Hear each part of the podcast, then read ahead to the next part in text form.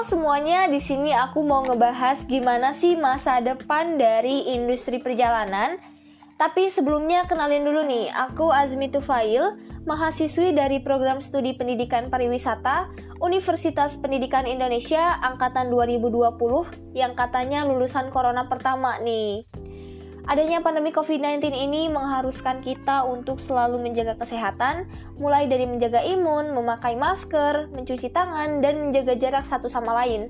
Sedih ya, apalagi harus menjaga jarak dengan orang tersayang, tapi itu semua harus kita lakukan agar negara kita terbebas dari pandemi ini. Oh iya teman-teman, banyak banget nih yang kena dampak dari pandemi COVID-19 ini. Nah, salah satunya ya industri perjalanan ini, mulai dari pembatalan penerbangan, reservasi hotel, sampai kapal pesiar.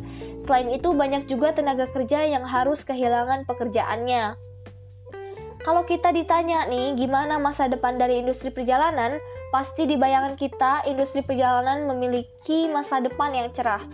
Ada salah satu prediksi menurut World Tourism Organization pada tahun 2030 nanti akan ada 1,8 miliar wisatawan di seluruh dunia dalam satu tahun yang berarti 400 juta lebih banyak dari tahun sebelumnya. Selain itu, menurut Hemen, 10 tahun dari tahun 2030 yaitu 2040 diperkirakan jumlah penumpang maskapai akan berlipat ganda dan wisatawan akan menuntut pengalaman perjalanan yang lebih cepat dan efisien.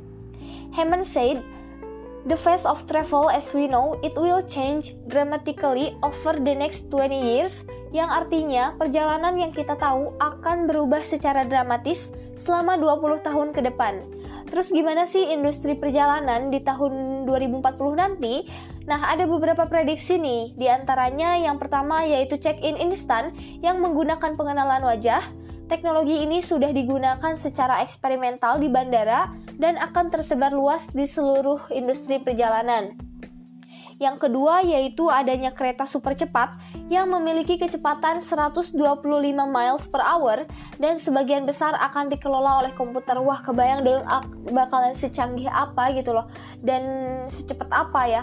Selain itu, ada juga yang lebih menarik yaitu ruang angkasa yang dijadikan sebagai destinasi wisata di mana wisatawan akan terbang ke dan dari bulan untuk mencari pengalaman melihat bumi dari luar angkasa. Wah, keren banget ya luar eh, ruang angkasa gitu akan dijadikan sebagai destinasi wisata.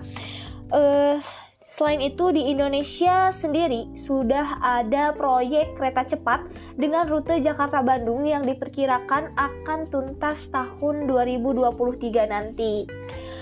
Terus uh, di masa depan juga setiap orang akan memiliki kesempatan untuk terbang dengan pesawat yang bergerak lebih cepat dari kecepatan suara. Kebayangkan secepat apa gitu. Terus di masa depan juga perusahaan perjalanan akan lebih fokus atau serius untuk mengurangi ketergantungan pada bahan bakar fosil. Kemudian United Airlines juga sudah menggunakan biofuel yang lebih ramah lingkungan. Nah, Agar masa depan industri perjalanan ini lebih baik dan berkelanjutan, tentunya kita juga harus bisa memperhatikan lingkungan kita. Nah, mungkin cukup sekian pembahasan tentang masa depan industri perjalanan. Terima kasih untuk waktunya. Semoga pembahasan kali ini bisa bermanfaat bagi kita semua.